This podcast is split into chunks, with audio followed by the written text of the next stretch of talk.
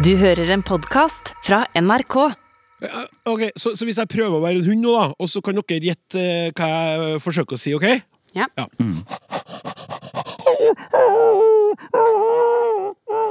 Hva, hva sa jeg nå? Det der kan jo bety veldig mye forskjellig, da, men kanskje du har lyst på en tur? Det er riktig!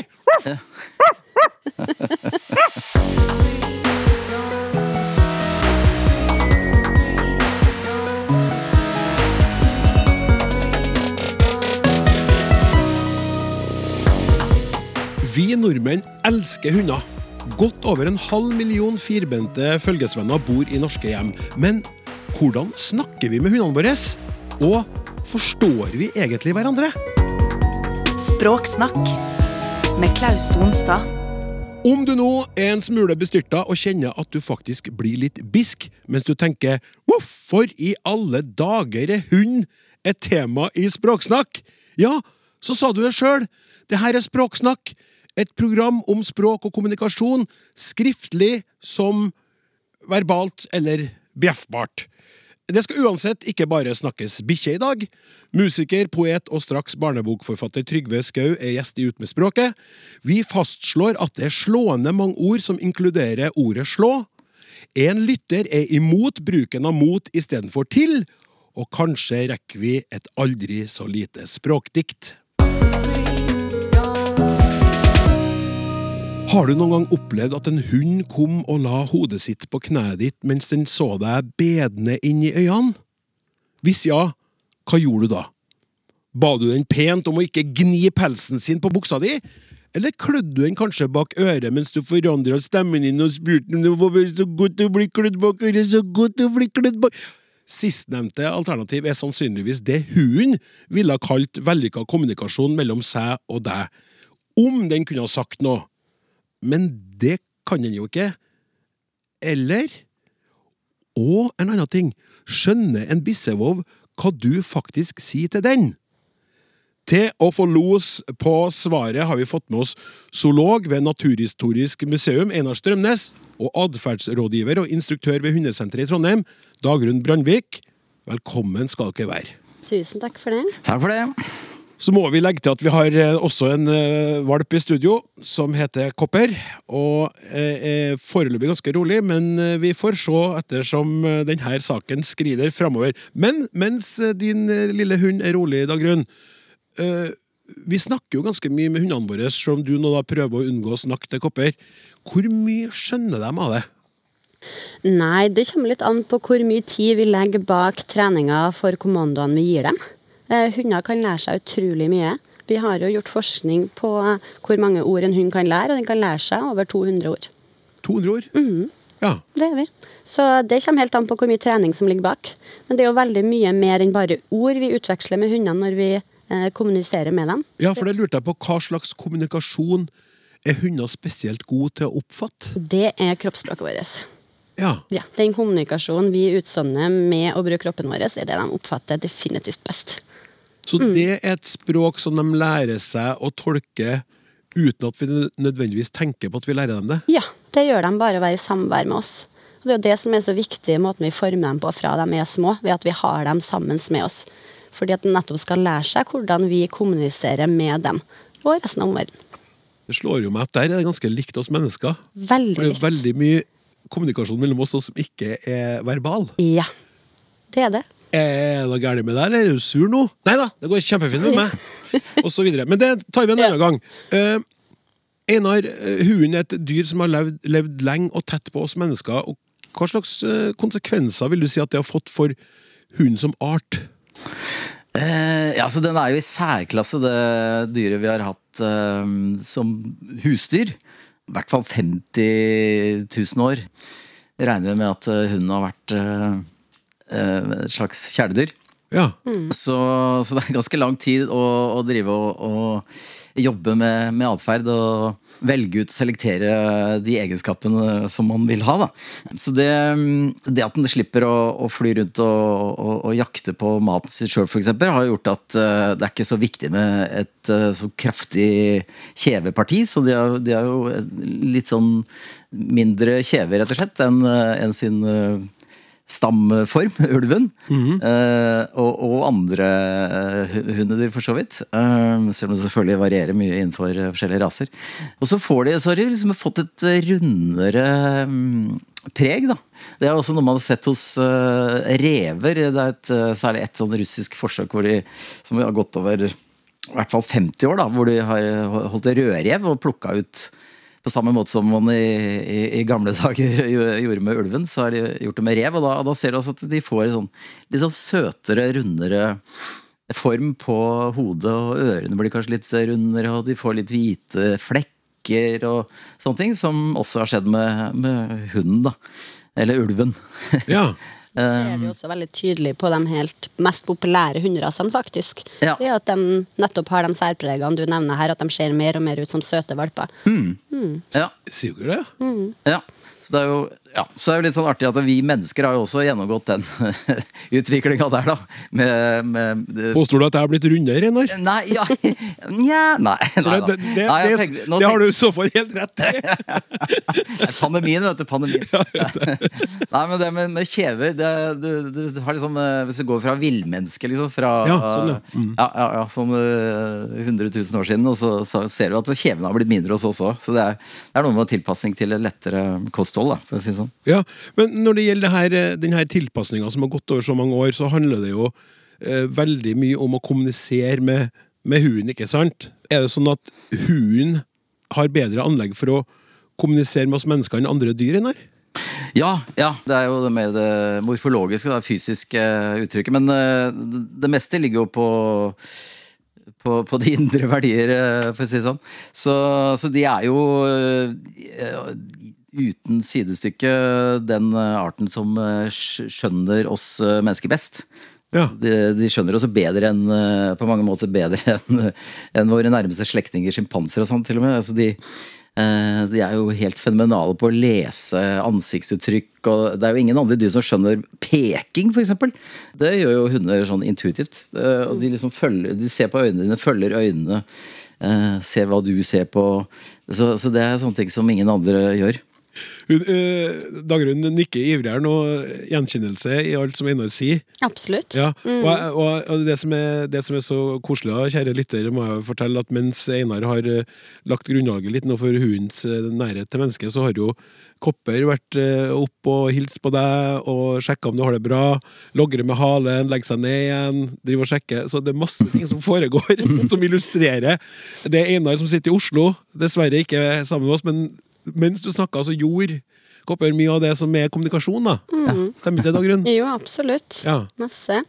Og det er uttrykk for glede her nå, eller? Er han en lykkelig valp i dag? Ja, det kan du se på hele kroppen hans. Han er avslappa og rolig og har glad hale og er kontaktsøkende og ønsker å kommunisere med både meg og deg. Ja. Prøve å få oss til å gjøre noe morsomt sammen som menn. ja. Ja.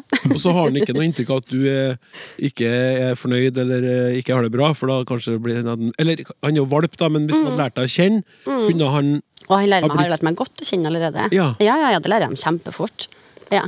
Så du kan fort se på en hund eller en valp, eller om de er på en måte misfornøyd med situasjonen i forhold til om du er misfornøyd med den, altså. Ja. Det, ja? Da legger de på ørene og krymper seg litt det og senker hodet og kanskje halen litt mellom fotene. Og Ja. Helt motsatt av det kroppsspråket han har nå, da. For jeg, det, det er litt snart, for jeg har, jeg har jo ikke hund sjøl, men jeg har brukt veldig mye tid på Facebook og Instagram på å se på sånne videoer av hunder som er skyldige og har gjort gærne ting, Ja.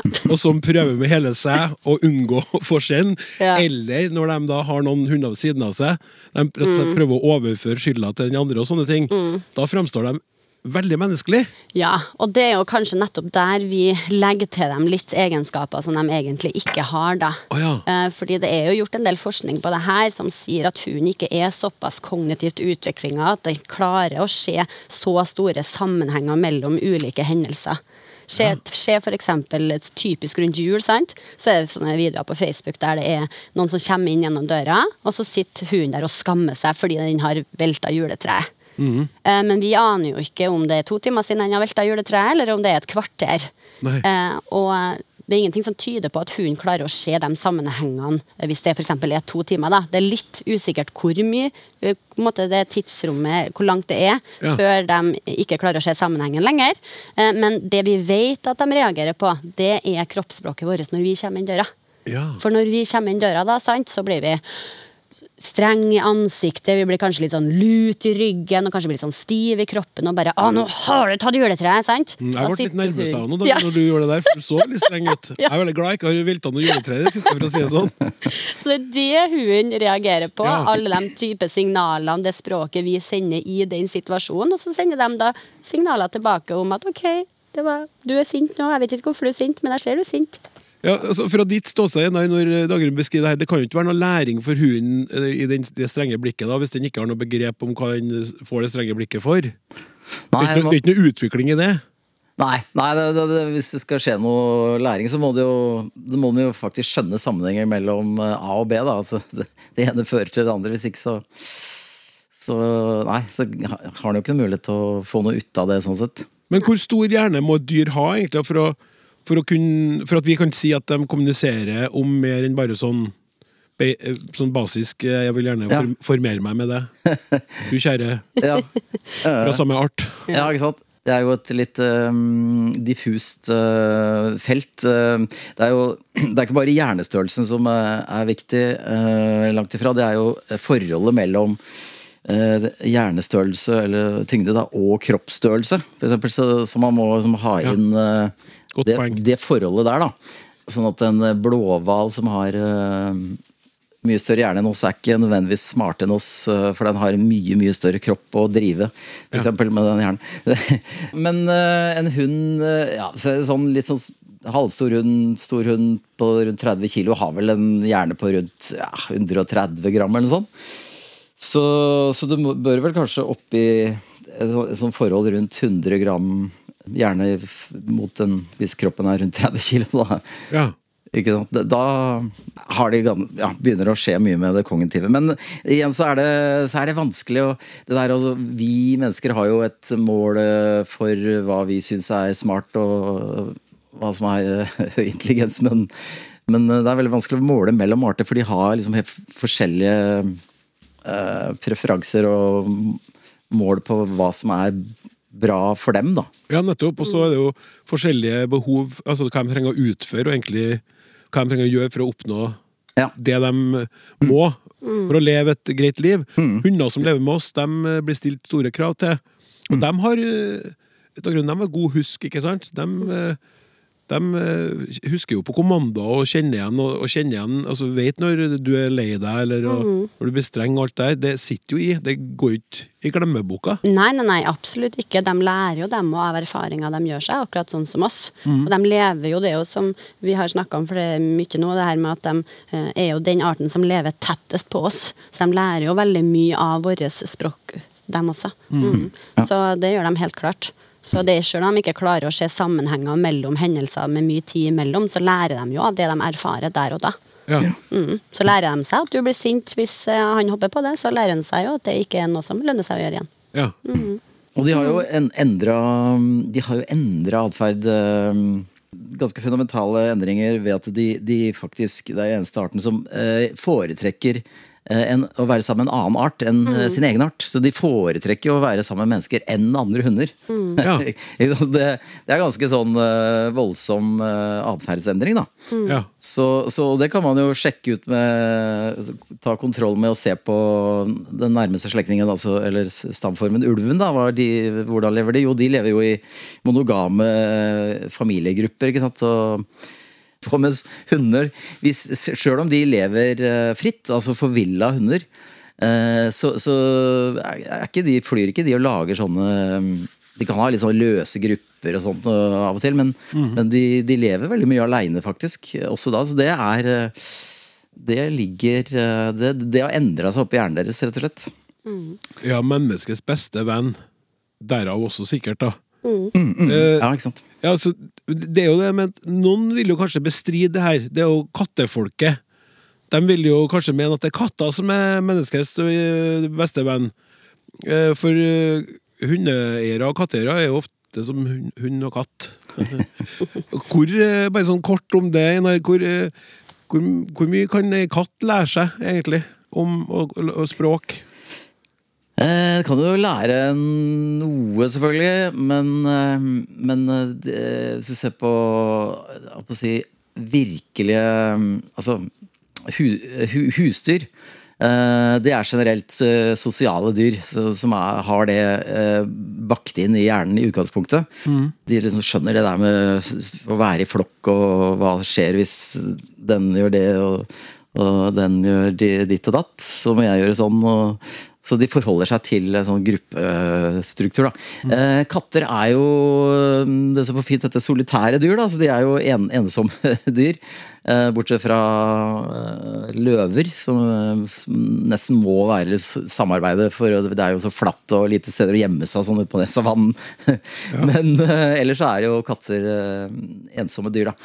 Så de, de har veldig lite innebygd instinktivt uh, når det gjelder å, å skjønne andre Forholde seg tett til hva andre vil og, og sånn. Så, um, så de er uh, Dessuten så er de jo ikke så gamle. Altså de første kattene som var i nærheten av mennesker, si, var jo i forbindelse med jordbruksrevolusjonen, så da er jo rundt 10 000 år tilbake. Eh, Da var jo det nyttig for å holde smågnager og sånn vekk. ikke sant? Og når de samla korn og jordbruksprodukter, så, så man har heller ikke avla, hatt så lang tid, da. Selv om de hadde hatt samme sosiale utgangspunkt, så ville kanskje ikke det kommet så langt uansett. Men eh, nei, de skjønner ikke den greia så godt. De skjønner virkelig ikke den greia så godt. eh, Men skjønner vi hundens greie godt nok, Dagrun? Eh, Hva er det egentlig vi skjønner? Eller i hvor stor grad forstår hundeeiere, etter din mening, hundens språk? For det er jo også veldig viktig. Ja, det er jo det jeg jobber mest med, å lære hundeeiere nettopp det her med å forstå hva hunden signaliserer og ønsker fra dem i ulike situasjoner. Og min opplevelse er at de aller, aller fleste skjønner hunden sin veldig godt. Ja. Det handler om å følge magefølelsen sin. Fordi de fleste hunder kommuniserer veldig likt som oss.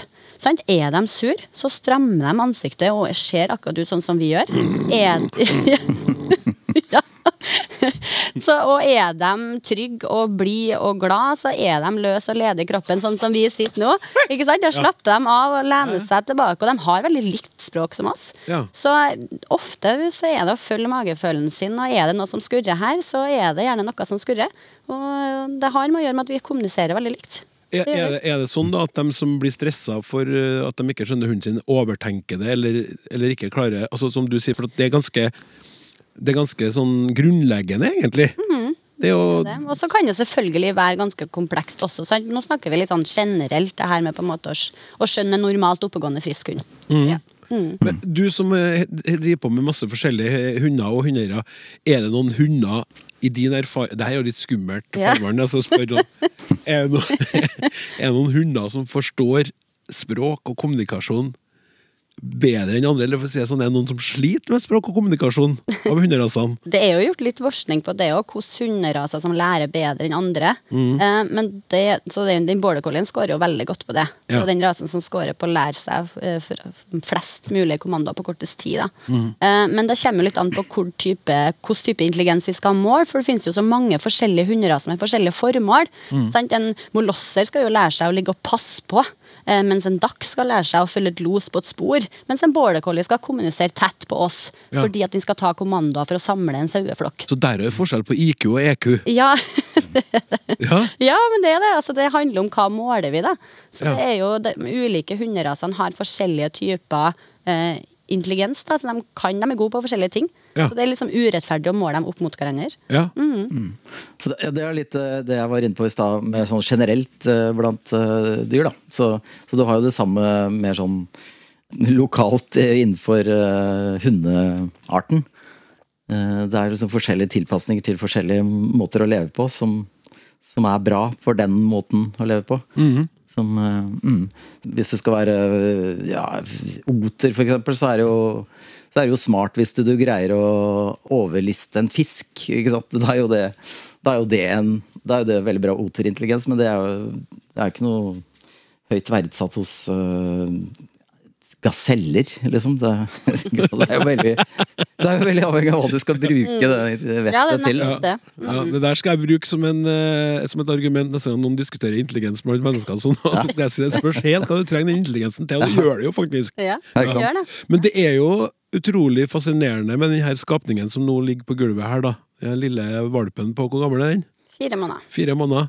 Ligger helt avslappa og fin, og som kan lære seg å skjønne så mye av oss. Og vi kan skjønne så mye annet. Så du kan faktisk Skal vi konkludere med det, dere to?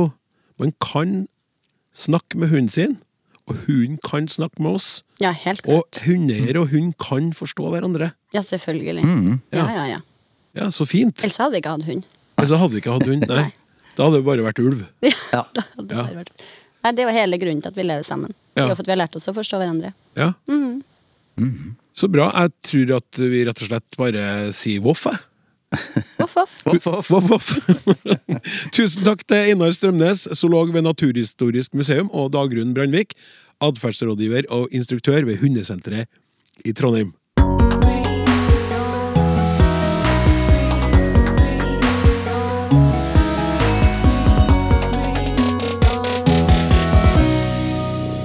Hvis du blar opp i ordboka på bokstaven S, så blir du muligens slått av hvor slående mange betydninger ordet slå har. Jeg kan i alle fall fastslå at det lille ordet på tre bokstaver overraska meg, og hva er vel mer naturlig da enn at man slår på tråden til en språkforsker? Og nå er han her i studio. Leif Inge Aa, velkommen tilbake til Språksnakk. Takk for det. Du, slå. Hvor mange ting betyr det her enkle ordet? Ja, det kan jo bety veldig mange ting. Det er jo et, så, et typisk sånn uh, flertydig ord da, som man kaller for et polysemt ord. Et, det, et polysemt ord, et polysemt ord, ja. ja, det betyr rett og slett flertydig. Kan Ja. bety mange ting. Det har jo ei sånn klar grunntyding med at du eh, fører armen din, eller hånda di, da, hardt mot noe annet, og det kan volde skade. Eh, eller du kan føre en redskap for eksempel, mot det samme, noe som kan volde skade. Så det er liksom typisk for slå, at du gjør noe litt dramatisk, og det får konsekvenser. Ja, du kan også slå inn en spiker. Ja, for eksempel, så det trenger ikke være vold innblandende. Nei. Det kan, så Du må ha kraft. Du må ha kraft, ja. Ja. Og det får ofte konsekvenser som man òg kan uttrykke etterpå, med at eh, du kan slå noen i hæl, f.eks. Og da oppnår du eh, den som du slår, en ny tilstand som død. Eh, Fra levende til død. Eller du kan slå noen til blods. Du kan slå noen i svime. sant? At det, det får konsekvenser av at den som blir slått, kan oppnå en ny tilstand. Eller bli utsatt for en ny tilstand. alt etter sånn. Så det, det, det er dramatikk innblandet med slå. Mm. Og det kan bety eh, veldig mange ting. Men ofte så har det, hvis jeg ser, hvis jeg blar opp i denne ordboka du nevner, det har jeg gjort. Jeg har bladd opp i ei stor eh, dokumentasjonsordbok over nynorsk og dialekter, som heter Norsk ordbok. Og der finner jeg mange eh, forskjellige utglidende betydninger av slå.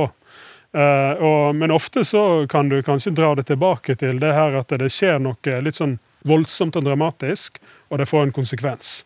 Ok. Du kan f.eks. Um, uh, mindre dramatisk enn å slå noen i hæl, så kan du slå noen i idrett. sant? En konsekvens er da at du har vunnet over noen. Ja. Du kan slå noen eh, mindre passende nå, kan du si, men du kan slå noen i en krig. Mm -hmm. Du slår noen ned. da, sant? Du kan òg du kan òg, eh, eh, slå ut med armene uten, å, uten at du treffer noe, sant? men da gjør du en brå bevegelse Mhm. som eh, markerer f.eks. oppgitthet eller ja. et eller annet sånt. Og du kan slå akkorder på et instrument. Resultatet er en tone. sant? Ganske mye hyggeligere. Ja, hyggeligere enn å slå ned noen, eksempel. Ja, det er det. Spørs hva musikk det er, da. Det kan jo være feil musikk òg, da. Ja, det kan det. Ja, det, ja, så kan vi òg bruke det f.eks. om uh, væromslag. Det slår, noe som slår om. Ja. Jeg har sett òg andre eh, eksempel som, som er mindre kjente for meg, det, som å slå en handel. Å få i gang en handel. Ja. Slå en prat. Skal akkurat det, slå, jeg ville ha sagt slå av en prat, da. Ja, ja. Sånn som vi gjør nå. Ja, Vi slår av en prat om slå. ja nettopp. Da har jo du lagt til et ord 'av', som jeg ikke la til i stad. Men det kan det, og det kan koble seg på slike små ord i enkelte sammenhenger. Og, da, og disse små ordene her de eh, kaller vi den, Når de binder seg sånn tett på verbet, da, det blir på en måte en del av verbet, Mm. da, da kaller vi det for verbpartikler, eller bare partikler. Partikler, Ja, som fra fysikkens verden. ja nettopp. ja. Ja. Verbepartikler, Ja, som så- binder seg til verbet. Ja, jeg kan, ja, sup. Det, det su, blir oppsågne i verbet og blir en del av verbet. Jeg kan, for, jeg kan gi et um, eksempel, ikke med slå, men med dra. da. Forskjellen eh, på en verbpartikkel og en ikke-verbpartikkel og en vanlig preposisjon, det er jo fortsatt en preposisjon, men det har den egenskapen at det kan bli sogen inn i verbet. og da, har det, da, er, da kaller vi det en partikkel, rett og slett. Hvis du drar til naboen, da reiser du til han. Hvis du drar til naboen, da gjør du noe annet. Da slår du naboen. Ja. det er nettopp. Da slår det synonym for slå. Og, da, og i det siste tilfellet der dra til Du hører at jeg uttaler det som ett ord òg. Mm. Dra til. Og jeg kan uh, slå på lyset Mm. istedenfor at jeg slår på lyset. Da står jeg og banker på det. Mm. Så de gangene når du uttaler det som ett ord, det er tegn på at her har det skjedd noe. Her har det der vesle ordet kommet inn i verbet og på en måte danna et nytt ord. Ja. Og da, da får, eh, Å slå gjør det i stor grad. Det, det, det bitter seg til av og til på og til til, og til adjektiv òg, som slår slå sund, f.eks. Og, og, og slike småord som eh, går inn i verbet. Da får verbet en slags sånn ny egenskap. Og det får mange nye betydninger med slå av, for mange nye med slå opp, mange nye med slå til.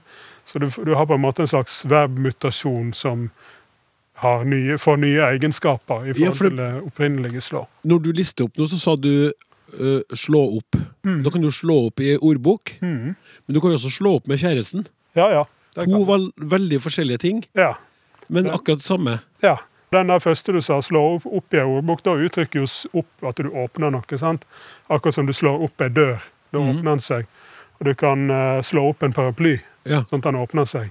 Men den andre til betydninga, å slå opp med kjæresten, da gjør du noe slutt. Og opp òg har den betydninga òg i mange tilfeller. Så når noe opphører, f.eks., da blir det slutt med noe. Så dette, og det er òg typisk opp, sånn, opp av sine egenskaper igjen. Det har ikke bare egenskapen å gå fra lavt til høyt, men det kan òg eh, åpne noe, få slutt på noe. Det kan forsterke noe, til og med. Men hvor mange ting annet enn faktisk slå og slå, da? Mm. Kan slå brukes det? Har du, har du kikka på det? Ja, jeg, jeg, jeg telte jo litt opp i denne ordboka, da, for det, det, det er vanskelig å gi et eksakt tall. fordi at eh, av alle disse betydningene så er det noen som ligger veldig nær hverandre, sånn at du kan kalle dem varianter av den samme tydninga. Men så er det noen som går ganske langt unna igjen. da. Men hvis du teller opp stort og smått, da telte jeg i norsk ordbok iallfall, kom jeg fram til 62, tror jeg det var. Og, og det er før vi har begynt med partiklene. Akkurat. Mm. 62 sånne enes, enestående. Ja, der slå enten tar et vanlig objekt, Mm. Eksempel slå en person, eller ikke tar eh, objekt. Han driver og slår. Ja. Mm. Og så kommer partiklene og fester seg på. Ja, da, da, da har vi jo disse nye, nye mutasjonene våre. Da, der vi har eh, kanskje en eh, 10-15 med slå til, og 20 med slå opp. Og, også, og, og mange med slå på, og så videre. Og til sammen da ble vel tallet 196, om jeg husker rett. Og så er det sånn at det er jo ikke et statisk tall. Nei. Det, det, Det var et viktig poeng, skjønte jeg. Ja, det, det er litt viktig, for det, det, er- det er mange grunner til at det er meningsløst å telle på den måten. For det, det blir, det blir eh, en annen Nå telte jeg jo det er en ordboksredaktør, så er altså en, en språkforsker som har laga dette oppslaget for, som har, for slå i ordboka. Hun heter Karianne Selvik og jobber også med ordbøker i dag. Og Hun har jo tolka det på sin måte. En annen ordboksredaktør ville kanskje gjort det litt annerledes. Og vi hadde fått kanskje 54 betydninger istedenfor 62. Så det, det er jo et tolkingsspørsmål. Det er Ja. en ting. Det andre er at uh, uansett hvor mye vi teller, så teller vi bare det som har kommet til nå.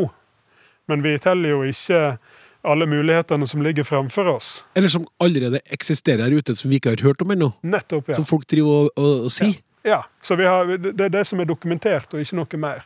Og språket er jo så anvendelig for at det i det hele tatt skal fungere. Så er det laga sånn at vi alltid kan si noe nytt. Vi bruker de samme mekanismene til å lage nye ting hele tida. Så derfor kan eh, det som er dokumentert, det kan forsvinne, og det kan komme nye ting. Ja. Kanskje er eh, bruken av eh, slå den er oppadgående, alt jeg vet. Opp. ja. Men, men hvorfor trenger vi de her partikkelordene, da? Vi trenger i hvert fall anvendelige ord, og partiklene og preposisjoner og partikler det er veldig anvendelige og Vi bruker det til veldig mye og mange forskjellige betydninger, akkurat som vi bruker slå. Og vi trenger at vi kan bruke det samme ordet til veldig mye. For det vi, vi kan ikke lage Eller vi vi er ikke i stand til å fange opp eller til å lage oss nye ord for hver situasjon som oppstår. For da ville vi hatt veldig mange individuelle situasjoner som skulle matche med dine individuelle situasjoner. Og vi ville hatt fått et ufunksjonelt språk. Og vi har ikke hjerne til å fange opp alle disse ordene. Så vi trenger at, eh, at vi kan bruke de samme ordene om ting som ligner på noen andre ting igjen. Så vi kan, og Det kaller vi òg en sånn metaforisk utviding da, av, de, av det ene ordet da, som vi bruker om igjen og om igjen til forskjellige ting. Så. Hvis jeg bruker 'slå' om noe som ikke er å føre hånda hardt mot noe, men noe som er litt dramatisk og ligner litt på slå-bevegelsen, så vil du ha lettere for å fange opp eh, hva jeg egentlig mener. Hvis, hvis jeg sier 'slå lens', da?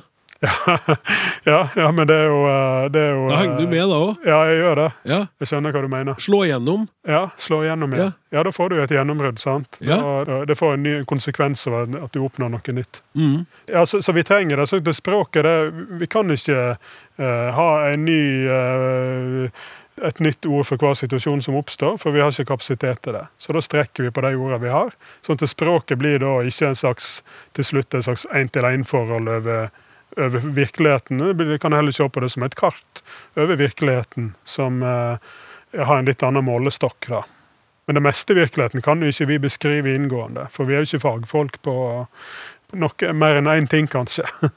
Så Men- vi, vi, trenger et omtrentlig vokabular. Et omtrentlig kart Ja. som vi, som vi navigerer Ja. etter alle sammen, Ja. sånn at vi forstår hverandre. Ja. Ja.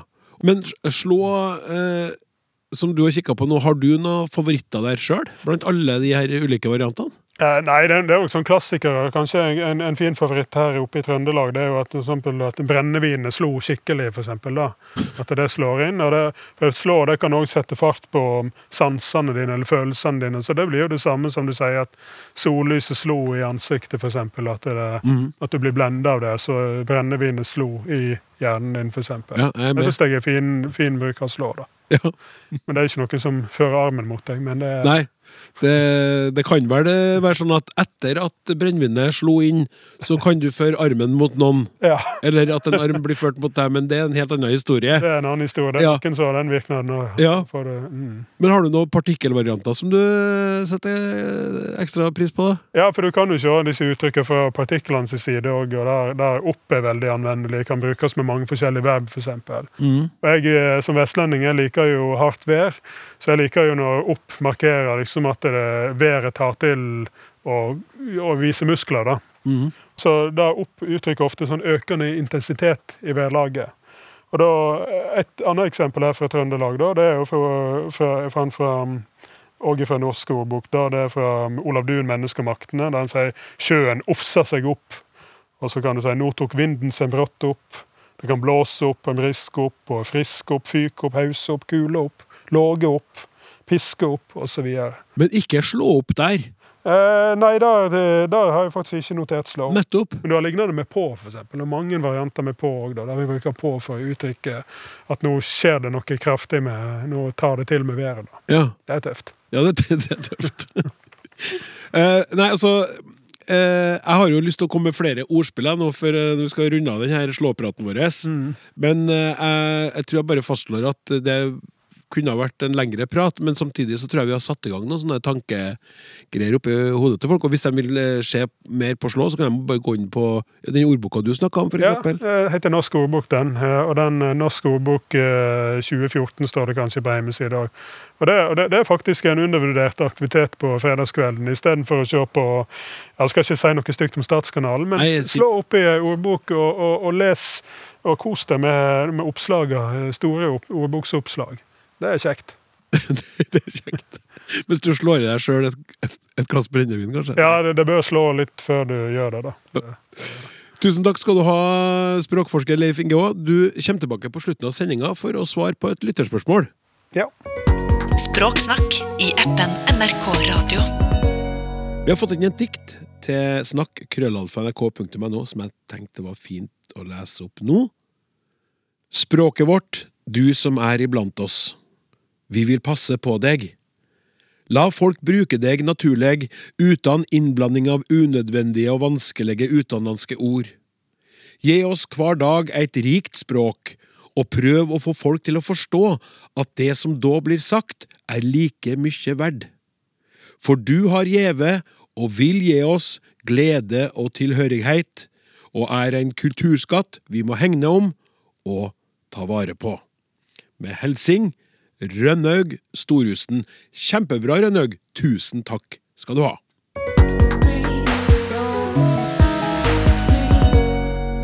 Ukas gjest i Ut med språket er poet og musiker med stor suksess. Men er det derfor han nå har begynt å fabulere om hvordan det ville vært om han var statsminister?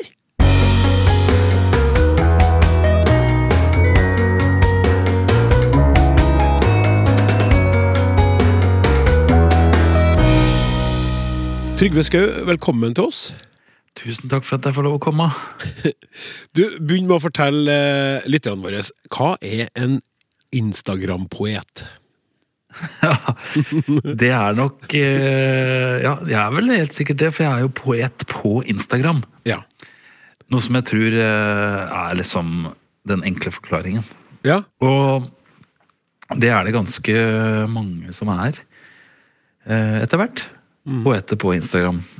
Det er egentlig ikke noe Jeg har aldri lest noen regel på hva begrepet skal inneholde noe sted. Men det er tydeligvis, hvis man poster eh, poesi på sosiale medier, så kan man bli en Instagram-poet. ja. Og så tenker jeg kanskje, jeg som har fulgt deg noen år, eh, at eh, det også handler om eh, ganske konsise dikt, ofte, som, er, Ja. eh, som klær ei rute, altså et, ei bilderamme. Ja. Jeg veit også mange som har sånn scrollbare dikt. At du da, for du kan jo på Instagram kan du legge inn en post, og da, den kan ha maks ti bilder, liksom. Og da scroller du deg bortover til høyre. For- Eller sveipe, swiper, da. Ja. ikke det vi skal si da, når vi Ja, det var flaut at jeg som Instagram-poet uh, bruker feil begrep. Men uh, hvis du da gjør det samme på Facebook, så kommer de hulter-bulter. Og det Ja. er litt spennende, så der får du liksom ikke kontroll på Hvis du har en mål og mening med at du skal lese side én før to osv., så, videre, Mhm. så er jo de forskjellige sosiale medier litt De har litt forskjellig hva skal jeg si, brukersnitt. Ja. Det er på en måte en egen uttrykksform med poesi på Instagram. For det som du sier, det er, det er sunt at det er konsist. i hvert fall Det jeg tenkte mye på når jeg begynte å legge ut, var at det skulle ikke ta deg lang tid å bli med inn i den følelsen som jeg hadde lyst til å formidle. Sånn at hvis du kan faktisk stoppe folk i scrolling, på en måte, så leser de det, og så kan de scrolle videre, men ha med en, en, en følelse eller en tanke som jeg har sådd med de orda, når du ser det neste bildet som du scroller deg til. Og da vil det liksom prege det neste bildet du ser. Om du, om du fikk en varm følelse av meg, eller om du fikk en følelse av eh, Ikke at jeg har formidla så mye frykt på Instagram, eh, på ingen måte, men eh, savn, eller eh, om du vil ha en lys tone, eller om du vil ha litt blå melankoli, så kan Når du da scroller nedover til naboen din sin middag, eksempel, så får det en, et helt annet Akkurat som du setter musikk til film, da, så har det veldig mye å si om du har lett og lystig stumfilmmusikk, eller om du har, har veldig sånn tung, eh, episk musikk, eksempel. Så har det litt samme effekten om du har en følelse når du sitter og scroller. Den kan du på en måte ja, Det er veldig gøy å leke med, da. Hvis du skjønner. Ja, jeg tenkte jeg skulle gi lytteren et eksempel fra 2018 Oi. eh, på, på Instagram-kontoen din. Som jeg syns er fint. da folk Ok, ja. Ja, ja, ja, ja. Og så kommer jeg til meg selv, men der er det ikke noen. Det syns jeg er Mm. fint. Ja, Det var hyggelig, eh, Klaus. Ja. Og så tenker jeg at hvis jeg skulle ha scrolla med meg det videre nedover til naboens middag, så vet ikke jeg helt hva jeg hadde kommet til å føle. For jeg syns det var en interessant ting du sa der. Men, men uh, uh, jeg syns det er et, uh, et fint dikt, og det er jo den her type dikt, ikke sant? Som Ja. du har truffet veldig med, for du har jo mange hundre tusen følgere, og så har du også gitt ut altså du, du, har, du har gitt ut bøker, diktbøker. Ja. Men du har truffet en nerve. Ja, det er veldig spennende at du tenker av Eller sånn at jeg, jeg tror kanskje det er Grunnen til at jeg ga ut den første Jeg ga ut en sånn liten diktsamling eh, som jeg egentlig ikke følte at jeg kunne kalle for en diktsamling. heller, men det var, det var egentlig fordi at folk Da hadde jeg begynt å poste ting på Facebook først. Så det var etter at jeg hadde delt veldig mye på Facebook at folk lurte på om det fantes i bokform. Så det var på en måte Det, det var jo tydelig at eh, høna kom før det egget, på en måte. Eh, mens nå har jeg på en måte Jeg har fått litt mer sånn ro for å kunne bare skrive ting som ikke skal dit. da Eller sånn, Det har jeg jo gjort alltid, men Men at uh, jeg var veldig bevisst, særlig i starten, på at dette skal dette skal jo på sosiale medier, så det må være litt umiddelbart, det som jeg skriver. Ja. Og kanskje også oppleves som at det er bare åtte-ni ord som ramler ut av munnen på en kar. Og så havner de på en skjerm, på en måte. Men hvor Altså, jeg, jeg kan ta Vi kan um, gå over til det her uh, spennet mellom diktene dine på Eller diktene dine, da. De, de korte, små, konsise diktene og sangtekstene dine. Det er jo en ganske stor forskjell her. Hvordan opplever du at de er de i hele tatt knytta til hverandre, de her to uttrykksformene hos deg, eller er det stor forskjell? Ja, det er egentlig Det er jo veldig sånn beslekta. I starten så tenkte jeg ofte at hva om jeg skriver sånn at det høres ut som det bare henta ut av en sangtekst, for eksempel, da. Som et sitat i slutten av eh, det refrenget eller et eller annet, på en måte. For det er ofte skrevet på litt samme måte. Eller jeg prøver jo å ha litt sånn muntlig form når jeg skriver en sangtekst, da. Men den det har jo mye sånn strengere rammer rundt total eh, tekstestetikk, på en måte. Sånn at eh, jeg liker godt at det går opp med stavelser, og jeg liker godt at det rimer der og der. Og jeg vil sånn hard med meg sjøl for å få det til å stemme. Det, det er jo ikke så mye rim i diktene dine som det er i sangtekstene. Nei, ingenting Nei. egentlig. Nei. Så det da ga meg jo en eh, Ga meg sjøl en mulighet til å uttrykke meg på en annen måte, da. Mm. Eller sånn med litt annen form, men det er på en måte samme tekstunivers. Og bildene kommer ofte fra samme sted, og kanskje jeg kan skrive en sang om det samme som jeg skriver et dikt om, eller at jeg kan skrive et langt dikt som ikke egner seg for Instagram, om det samme bildet som jeg skriver to linjer til. Jeg har Jeg et, tenker at dette skal på nettet, eller ja, jeg, jeg har et eksempel uh, her. Å ja! Ja. Først skal vi ta um, diktet. jeg har forberedt meg, skjønner du. Ja, veldig research. Ja. Klart er du som skal være ankeret mitt. Hvem vil ha et anker som ikke aner hvordan det ser ut på bunnen? Og så, fra den siste plata di, som har fått uh, veldig stor åtgaum hos uh, anmelderne, så er jo ankeret ingen spørsmål, spørsmålstegn og ikke noe svar. For akkurat nå er det mer enn mer enn nok at du kjenner hvor ankeret er. Ja, sant. Ja. ja det er det samme Samme bildet som dukker opp uh, igjen, da. Ja, Så det er jo veldig godt å kunne bruke bilder flere ganger hvis du syns de er For Det er jo veldig ofte at eh, særlig da i den korte formen så får du jo liksom ikke utforska alle bilder ved et anker. Eller alle sider ved det bildet, da. Mm. Mens i en låt så kan du jo forske ut litt mer. Og så kanskje du trenger en låt til og fire dikt til for å få, få flere aspekter ved det samme bildet eller den samme metaforen. Så da blir det på en måte en sånn tem tematisk For en fugl i et tre kan du på en måte skrive veldig mye om. Mm. Men du kan også skrive én ting, og så oppleves det som en betraktning av bildet eller metaforen. Men så får du på en måte Det er jo deilig å ha mange muligheter til å gå inn fra forskjellige vinkler. Akkurat som eh,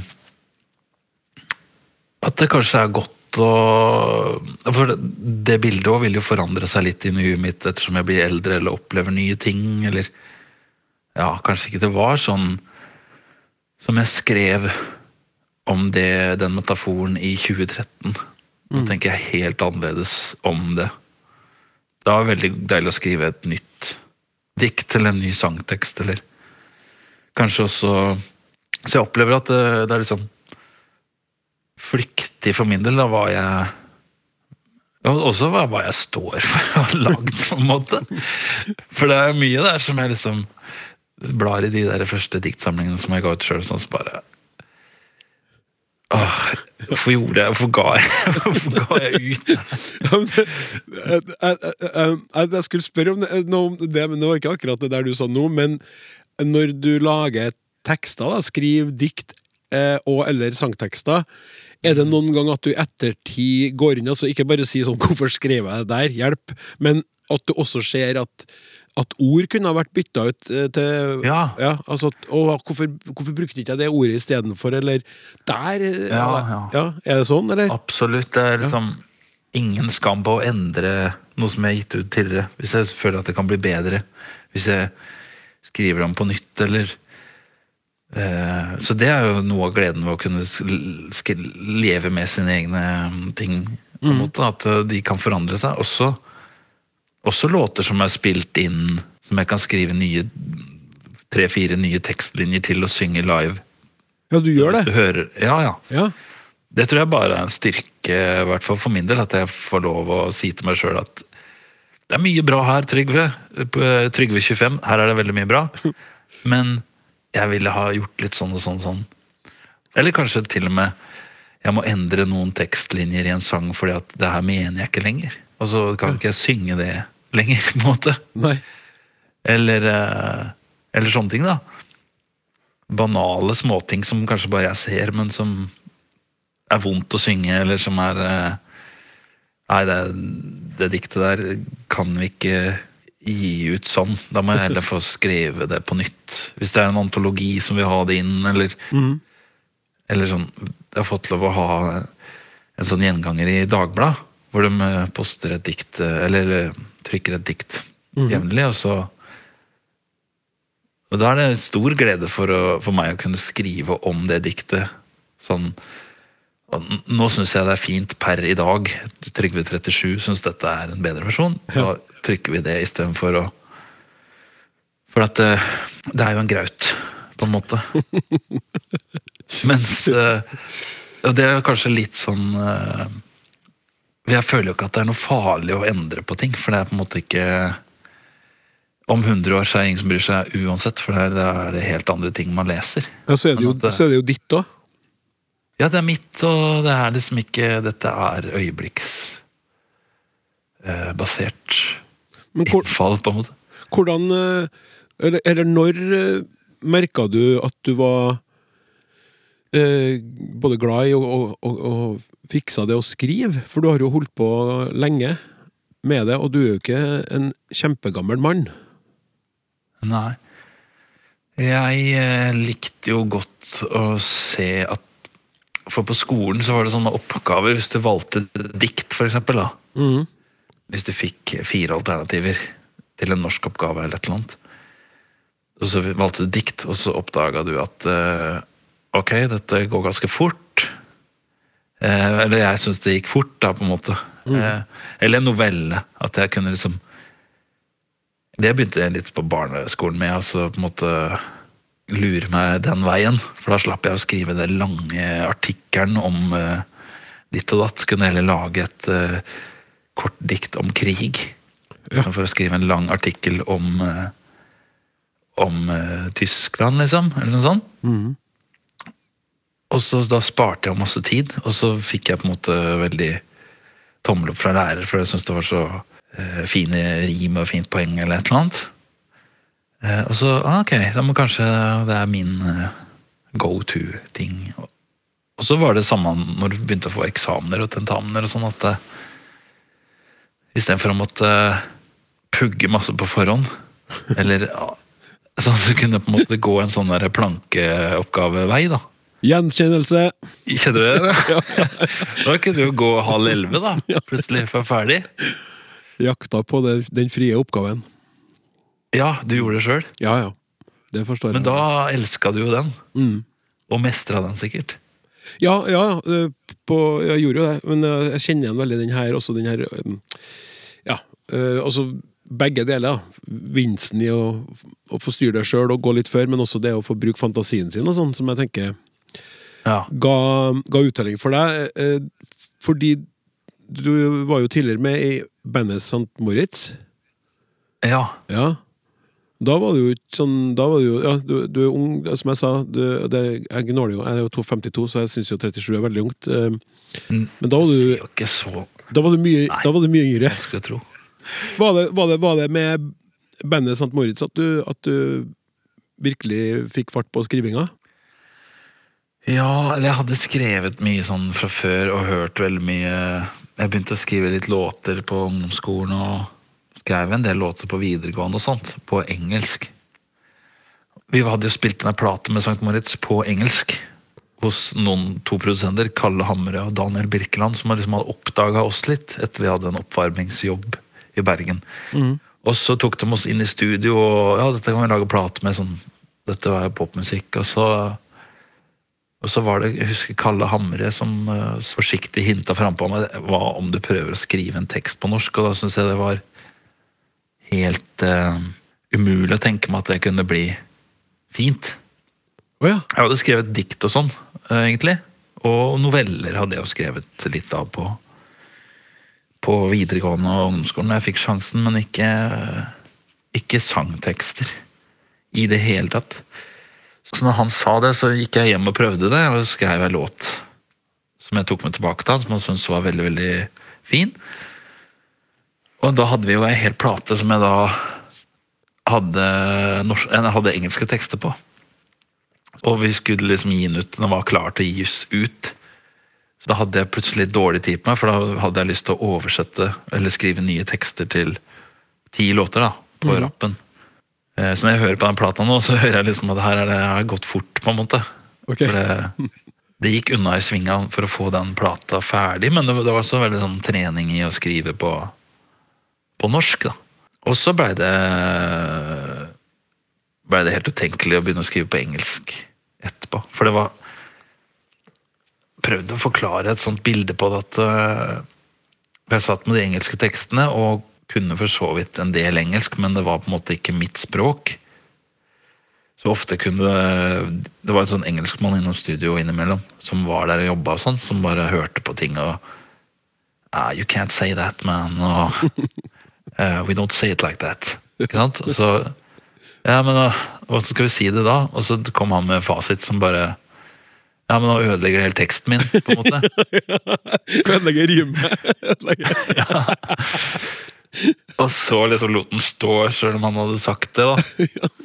Og så blir det bare dumt. Eller sånn. For det stemmer ikke med ordboka. For jeg har slått opp i en ordbok for å finne de fine orda. og Sånn. Det var en låt som het het, eh, Door to my ultimate respite. det høres jo så utrolig Det hadde jeg aldri uttalt ordet res, res, res, heter respite, heter respite. Jeg vet ikke hva det betyr, men det står i ordboka her at det er et sånt hvilested. Det er kjempefint. Putter det inn i en tekst, og så, og så er det sånn på en måte ordbokstekst kontra Og når jeg fikk begynne å skrive på norsk, så kjente jeg at nå trenger jeg ikke å slå opp i ordbok, jeg kan slå opp i, i meg sjøl, på en måte, da. Hvis man skal si det sånn. Og det var veldig, veldig deilig. Så det som er dritt med å ha gitt ut ting i bokform eller på plate, er jo at det står liksom Det er lost, Ja, på en måte. ja. Men du, du gjorde jo om eh, Eller du ga ut en EP i Kan jo gjøre ting live. Ja. Du ga ut en EP i 2020 med tre låter fra St. Moritz i ny musikalsk drakt. Dere ga jo ut det siste albumet i 2012. ja, stemmer. Så du, du tok, du, Har du fått med tak den? Ja, ja. Oi. Ja, de er ganske like seg sjøl, Ja. de. Men det var en sånn annen, stemning i det musikalske. En ny musikalsk drakt. Ja, absolutt. For det var jo også Det med å bare putte helt nye tekster på ferdig innspilt musikk. Det er jo et godt eksempel på at ideen er for så vidt god, men ikke så gjennomtenkt. For at eh, vi hadde ei låt som var veldig sånn lystig, eh, som handla om at livet er eh, som popmusikk, på en måte. Eller sånn Ting glir godt, var vel eh, liksom moralen i den eh, engelske teksten. Som var den siste som gjensto på plata. Og så Og den, den, det var den som ble hetende 'Allting ble stilt'. Ja. Som blei veldig mye spilt på radioen og sånt. Det var en hit, Og det. som jeg da Det var en hit. Jo, det blei jo på en måte Det var liksom den som blei spilt mest på P1. Eh, som da hadde For jeg hadde en tekst som jeg som rytmisk sett gikk opp litt med den, og den var en tekst jeg hadde skrevet etter at en av mine beste venner, David fra barndommen min, hadde tatt livet av seg. Ja. Og så da skrev jeg en tekst ganske sånn umiddelbart, en, en, et dikt på rim, egentlig, til han. Eh, som jeg da fant fram fra skuffen og så at her matcher det ganske bra med den melodien. Og så ble den klistra på oppå en lystig poplåt, og så var det litt sånn bordet fanger, da, for at eh, vi spilte den på litt sånn sommershow på TV, og hva handler denne sangen om, ikke sant? Og så Jeg kan ikke si det. Jeg kan ikke si. For den, den jo, burde jo egentlig hørtes helt annerledes ut. Så det var jo godt å spille den inn på nytt, sånn bare Ikke endre ordene, men endre den musikalske ramma, eller det der, gi den det savnet og den melankolien som teksten egentlig burde hatt. For nå tør jeg å prate om det, for nå er jeg jo, er jeg jo 37. Mens da, som eh, ja, bare 3-24 eller noe sånt, turte liksom ikke å Jeg kan ikke prate om sjølmord, David, på en måte. Og så på den lystige sommer... NRK sommeråpent, eller mm. Jeg skjønner jeg godt. Det er litt sånn Ja. Ja, ja men altså, jeg, jeg vil jo anbefale dem som er nysgjerrig nå, av lytterne til å gå inn på sin musikkspiller, eh, hva det enn er, og så søke opp først eh, St. Moritz og høre på den første versjonen, og så eh, gå inn på din side og finne din eh, 2020-versjon. Det er en veldig interessant eh, endring, og Ja, særlig når, når du gir det bakteppet der, så er det uh, verdt å gi det en lytt. Ja, ikke sant. Du ser for deg den derre Den unge uh, popmusikkgruppa. kontra hva det der uh, egentlig handler om, da. På en måte. Ja. det er jo flere bevegelser. Din bevegelse, men også ja, tida og som du som sang, sang eller tekstforfatter, men ikke minst musiker. da. Men, men du, vi, vi må over til noe annet, for at uh, jeg har lyst til å høre om det også, for det kommer jo straks ei barnebok som heter Hvis jeg var statsminister. Ja. Ført i penna av deg og illustrert av Ella Okstad. Veldig flink. Veldig flink. Jeg har fått lurkikka på boka. Nydelige illustrasjoner. Jeg bare lurer på, har det vært annerledes å jobbe med denne teksten i barneboka enn sammenlignet med det du vanligvis skriver? Ja, egentlig. Det, det var også ga jo en sånn Jeg måtte zoome ut litt, og som du snakka om i stad, at eh, ok, nå kan jeg bruke full fantasi igjen, på en måte, og skrive hva som helst. Fordi man kan på en måte zoome ut til barnets eh, mer åpne eh, sinn, da. Som jeg syns var veldig deilig. For jeg, var en bok som blei til ved litt Eller ideen bak blei til ved kjøkkenbordet vårt. Fordi min midterste, som er jente, hun hadde, hadde et eller annet, en tanke om eh, noe Trump hadde sagt. Eller gjort, eller noe sånt. Og så hadde vi en prat, og så hva ville du gjort liksom, hvis du var statsminister? Og så, og så begynte vi å leke med tankene, og da var det både alt fra mm, at alle alle burde få alle lekene de ville ha, på en måte. Eller vi bør egentlig få en hund til å handle om at eh, havet burde spise opp plasten sjøl, liksom. Eller sånn sånne Ja, det var en god idé, egentlig. Ja. Eller sånn Og så prøvde jeg å skrive et langt dikt om det. Og så oppdaga jeg at det her Heldigvis da har jo redaktører med som eh, kan barnelitteratur, så den er jo grovt beskjært, det, det diktet, da. Ja. Til slutt. Så vi har liksom bare måttet forenkle og forenkle og forenkle, for vi skal nå på en måte litt sånn Kjernen her er vel kanskje skolestarterne, eller noe sånt. Ja. Ser jeg for meg. Ja. Jeg liker veldig godt Så- det, det alternative eh, betegnelsen på statsminister. Jeg vet ikke om jeg får lov til å røpe det. Det er jo en slags liten ja. høydare i boka. Gullkaptein. Gullkaptein, ja. Ja. Var, ja, for det var liksom et eh, Må det hete statsminister? Det er jo utrolig kjedelig, på en måte. Mm. Godt poeng av eh, min datter der. Ja, veldig bra. Det, det, det må du si. At eh, det, det er ordet jeg er fan av. Og når vi snakker om ord, så er vi nå kommet til det punktet der jeg har eh, det faste spørsmålet, nemlig. Eh, Trygve Skau, ut med språket. Hva er ditt favorittord? Forsoning.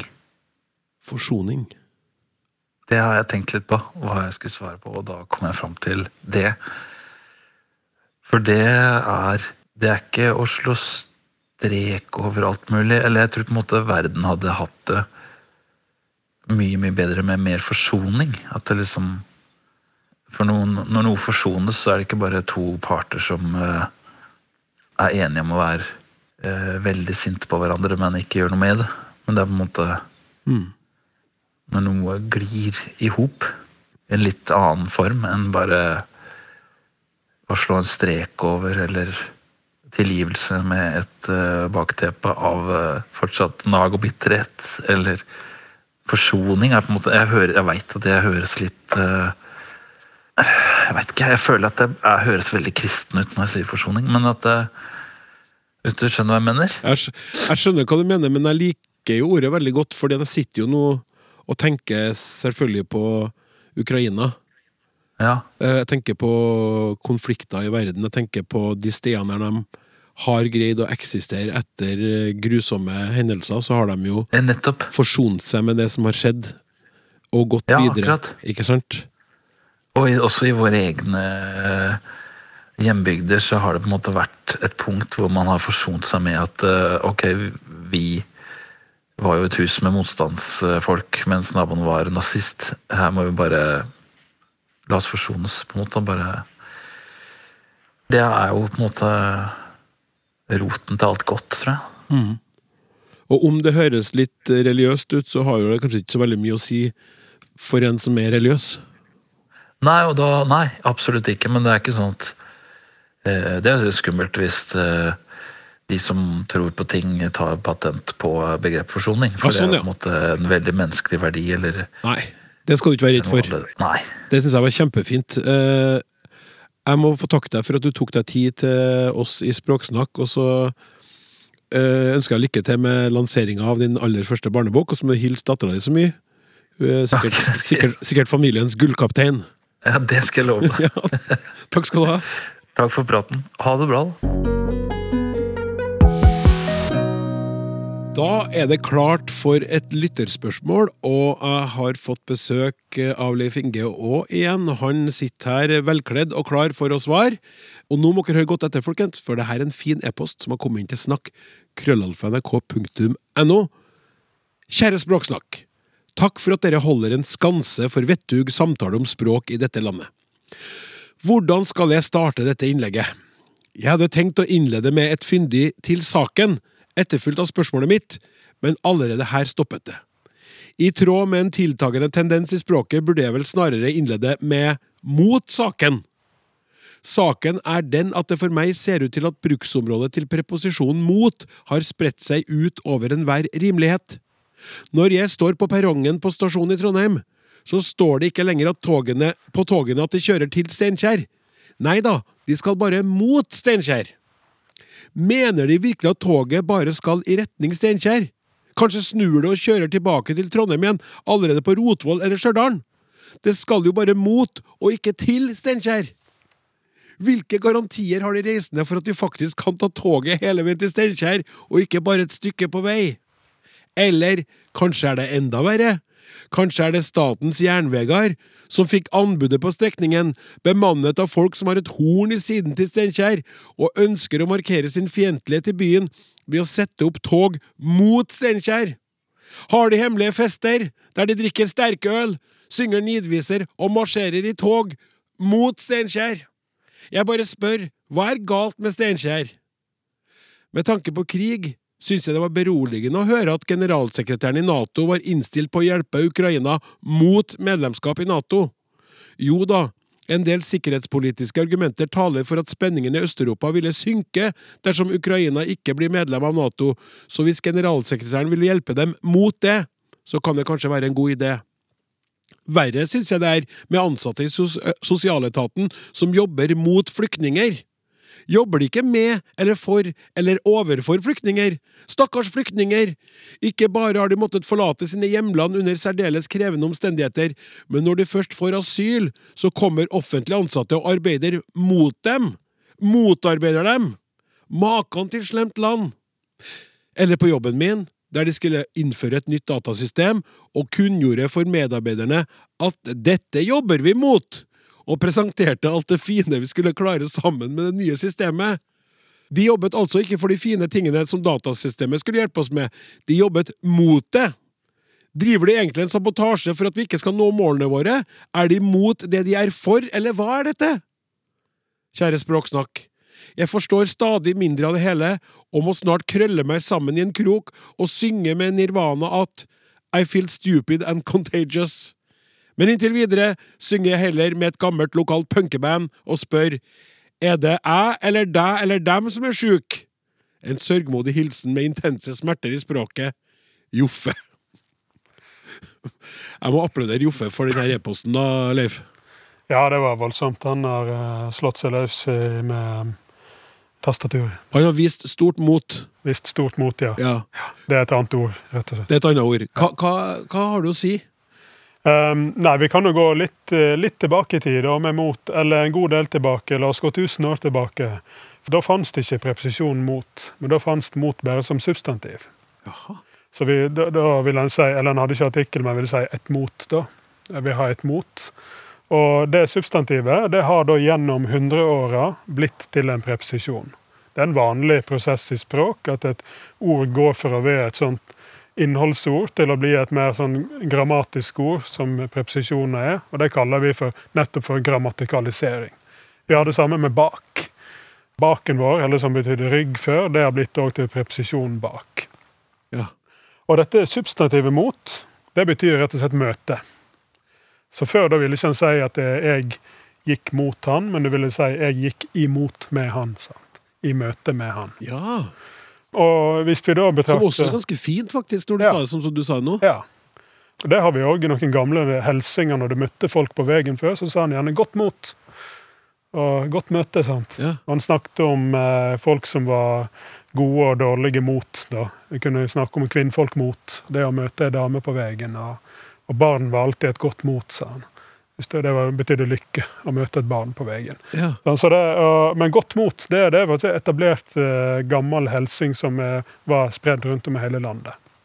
Og nå sier vi jo han var ved godt mot. Ja, ja, det, er godt, ja, det er et helt annet ord. Ja, greit, vi, igjen. stå, Ja, vi, vi tar ikke inn i dag. Nei. Nei. Så det, det, det er et annet ord. Altså det, det er et eh, homonym, kaller vi det. Lik form med et annet ord. Så substantivet mot, det har vi ikke så mye igjen av. Vi har det i eh, noen sammensatte ord, som åmot. Navnet åmot er jo elvemøte, da. Og vi har det òg i det gamle bomveiselskapet vårt, Vegamot. Ja. Vegmøte. Sikkert mot, det betyr da eh, i møte med, kan en si. da. Det er grunnbetydninga til mot.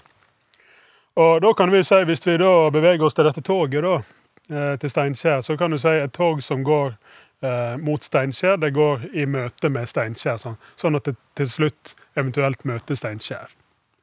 Eh, men så, så har jo denne eh, innsenderen, han ville gjerne ha eh, til istedenfor mot. Han har helt rett i det at det da uttrykker egentlig pre preposisjon noe mer presist. Til det er jo en preposisjon som uttrykker mål i større grad. Så Da får du endestasjonen på kjøpet, til Steinkjer. Mm. Mot, da får du egentlig bare oppgitt retninga.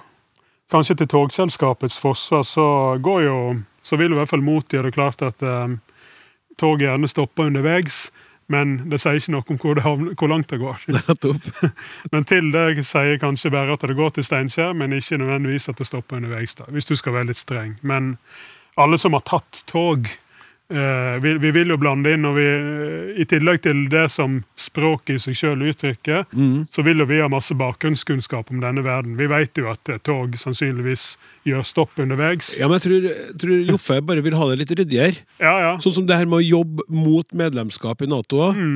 Mm, Hvis de hadde sagt at vi jobber jo for ja. at Ukraina Ja. skal få medlemskap i Nato. Og det, og det er jeg helt eh, enig med henne, for mot det får jo nettopp en sånn eh, tvetydighet hvis vi betrakter det som en sånn i møte med preposisjon. For da for vi, vi kan jo, Når du jobber imot noe, så kan det bety da i retning av noe. sant? Men det du eventuelt møter, det kan jo gå på motgående eh, retning av deg sjøl. Ja, Og da har du en konflikt. Da kan det krasje. Ja. Ja. Og, det er jo det du har i det tilfellet der, i den der uønste uønskede tvetydigheten der med at hvis du jobber mot fred, du jobber i motsatt retning av fred. sant? Ja. Så du, det får en tvetydighet, så det er, det er ikke eh, et klart språk, kan du si. da. Og du ser jo mot òg som en moteprepsisjon motepreposisjon da, i andre tilfeller der eh, eh, Jeg har ofte sett det i sånn fotballspråk når du har sånne spillerutviklere som skal jobbe opp mot spillerne. De skal ikke jobbe med spillerne. sant? Og den der eh, litt sånn utbredende motebruken, sånn som òg På har, og vi kjenner jo sambandet i forhold til, for eksempel, og Den den òg er mot utsatt for det, rundt et annet tilfelle. Men er det sånn, da, Leif Inge, at vi også vil kunne se at mot blir Kanskje det er ikke riktig å si feilbrukt, men brukt mer og mer i sånne sammenhenger som kan irritere Joffe og andre. Fordi at det brer om seg når det først har kommet inn. Det er jo flere og flere som sier vi jobber jo mot det her nå Ja. for å løse dette. Ja, Og da er det forvirrende for mange ikke kan jobbe mot det. Hva sa du nå? Er du ikke for det? ja det, det er i prinsippet tvetydig. Sånn som i forhold til som har blitt eh, har endra betydning. Ja. ja, så til hans Totalt. forsvar Ja, absolutt. Og til hans forsvar så kan du si eh, Kan vi jo skille her mellom hva eh, La oss si hva offentlige eh, organ har, eh, har ansvar for, og hva vi som privatpersoner eh, ikke har ansvar for. Vi må si hva vi vil, tenker jeg. Nå er jo til og med klarspråk blitt en uh, lovfesta. Så vi kan egentlig forvente at uh, særlig da statlige organ strekker seg etter å uttrykke seg minst mulig tvetydig og med preposisjonsbruken sin. Strekke seg mot Ja, og bli tydeligere i sitt språk. Sa jeg det? Nei! oh, ja. Jeg sa det nå! Du sa det, ja. Ja, men det kan man vel si. Det kan man jo si. Ja, ja, ja. Vi ønsker å strekke oss mot ja. og bli flinkere til å bruke mot riktig. Absolutt. Og kanskje um, dette her som han observerer med toget, kanskje det er et resultat av privatisering av jernbanen. At det blir et preposisjonsanarki. Det er ingen som tar klarspråksansvar lenger. Jeg følte følt at du kom helt av sporet. Ja, ja. Tusen takk skal du ha, Leif Inge også, for at du tok deg tid til å komme til oss i Språksnakk. Språksnakk er straks ved siste bjeff for i dag. Tekniker Martin Våge, journalist Randi Lillealteren, produsent Hille Sahl og programleder Klaus Sonstad logrer med halen i takknemlighet over at du hørte på. Vi snakkes!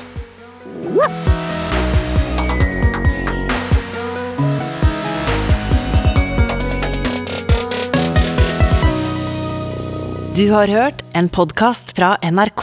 De nyeste episodene hører du først i appen NRK Radio.